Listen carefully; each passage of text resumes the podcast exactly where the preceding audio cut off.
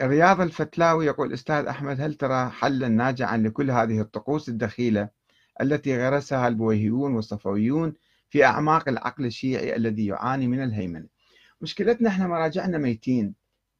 ميتين ميتين ما يقوم بأي دور ثقافي ولا فكري ولا سياسي ولا ينتبه للأخطار المحيطة محيطة بالمجتمع. نائمين كل واحد ويزايدون على بعضهم في اختلاق الطقوس الجديدة حتى يصير هذا باسمه ماركة مسجلة باسم الشيخ الفلاني أو السيد الفلاني. والله سويت فلان شيء.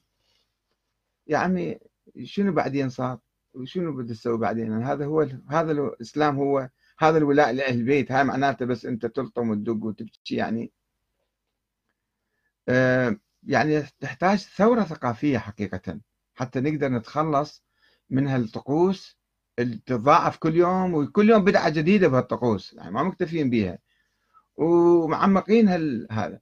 لازم عندنا ثقافة جديدة قراءة جديدة للتاريخ قراءة صحيحة حتى نتخلص من الأكاذيب والأساطير والأشياء المثيرة في التاريخ هذا. آه، حجي وليد الإبراهيمي يقول ألا تعتقد أن فتاوى المراجع السياسية والدينية غير مدروسة وغير صالحة وعليهم معرفة حدودهم العلمية وجهلهم بما يحيط البلد من تطورات. إيه فعلا هو هالشكل يعني. آه، محمد الزيدي يقول أخي جزاك الله خيرا. السب والشتم وسيلة الجهلة وهي وسيلة استطاعوا بها جمع الغوغاء من حولهم وضيعوا البلاد وأهلكوا العباد. آه، علي تلاي يقول أطال الله بعمرك وزادك علما وبصيرة شكرا جزيلا. خلينا نستمع من القائمة الأخرى إذا هذه موجودة.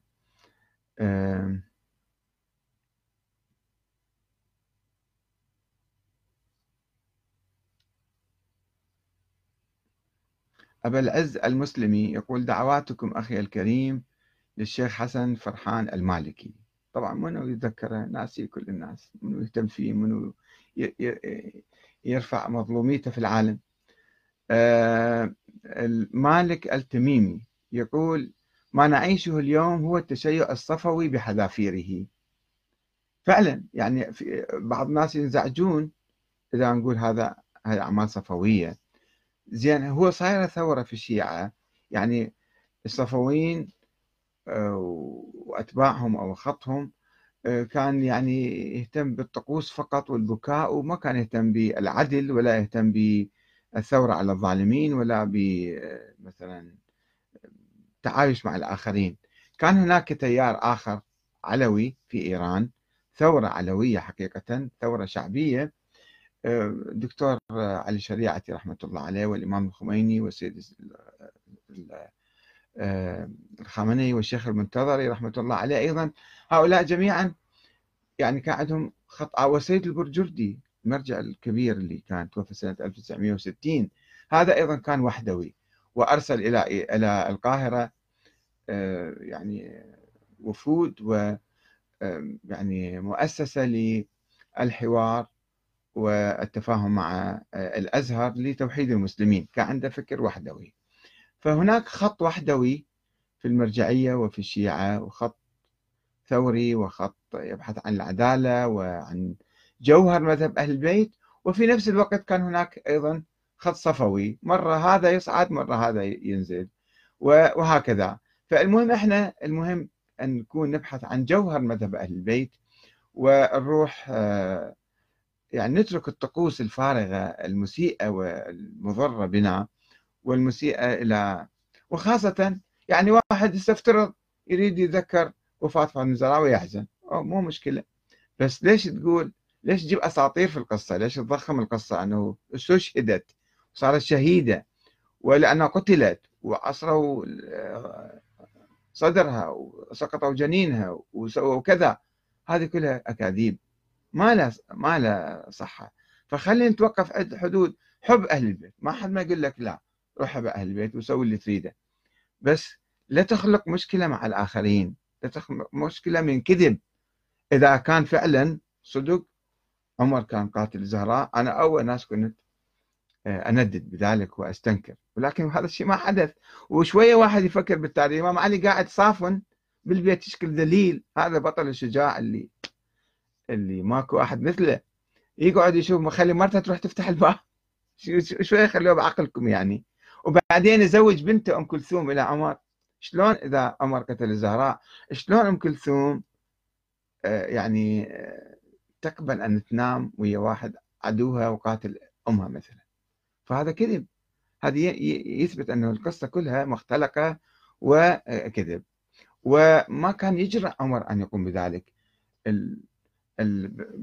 بني هاشم وأنا عندي بحث مفصل في كتابي عن ميزان القوى القبلية في تلك الأيام. كان يميل إلى الإمام علي العلوي الهاشميون والأمويون أبناء عمهم. وعدي وتيم كانوا قبائل صغيرة ما عندهم ناس كثيرين. فما كانوا يجرؤون وفضلا عن الأنصار اللي حواليهم. فهذه لو واحد شوي يدرسها بعمق يكتشف الأكاذيب في هذه الأسطورة. ولكن مشايخنا اليوم ما سميهم مراقبة العلماء. المشايخ نقول ذو خطباء المنابر اللي اسمع له كلمتين ثلاثة وصعد على المنبر وقام يخطب ويبكي الناس حتى يبكي الناس يعني فقط هذا هو. الأخ نبيل الكرخي يقول من أبسط القواعد الأخلاقية أن من يعيش أجواء الحزن لا يتم مهاجمة حزنه وتسميته بالأسطورة. كان يمكن أن تختار وقتا آخر لهذه السفسطات التي تذكرها. يا أخي العزيز هذه هي سفسطات إحنا بدنا نحاربها. يعني واحد يحزن يحزن ما بيه اشكال مو مشكلة على أي واحد يريد على من نبي آدم وموسى وعيسى ما يحزن عليهم مو مشكلة ماكو مشكلة. بس أن تخلق تختلق قصص أسطورية إحنا نحكي على الاشياء الاضافيه اللي يخلقوها و والحزن المعادي للآخرين هذا يسبب مشكلة للشيعة قبل غيرهم. يقول أيضا شنو هذا الكلام غير التاريخي؟ من قال أن فاطمة الزهراء عليه السلام ذهبت تفتح الباب. مو يقولون أصر المسمار بالباب والباب أصر ورا الباب وهذا. أه، تجد القوم هجموا على البيت واقتحموه ما هذا دير رواية جديدة الأخ نبيل أن القصة الجماعة مو يعني مو أسروا وراء الباب. وكل القصة هاي مال سليم بن قيس الهلالي كله يروي هاي القصة. إيه، وكان أكو باب أكو مسمار بالباب وهو بيت شكبراته بيت الإمام علي. كان حول المسجد. حول المسجد وبيت ما مو كان بيت كبير وكذا.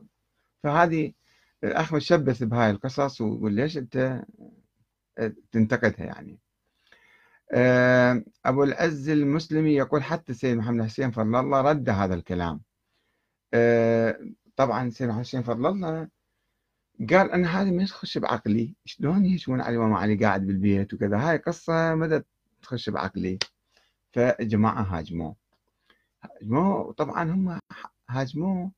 يعني آه، يعني يعني في ناس آخرين كتبوا. أنا كتبت ما حد ما هاجمني على القصة. بس نرجع السيد آه، محمد حسين فضل الله. لأنه كان ينافسهم على المرجعية فاستخدموها ورقة لتسقيطه. وإلا هم أي واحد يكتب كذا ما يهتمون في الموضوع. فيسقطوه حتى يسقطون مرجعيته. هذا هو الهدف. ما رأيك في خطبة الزهراء؟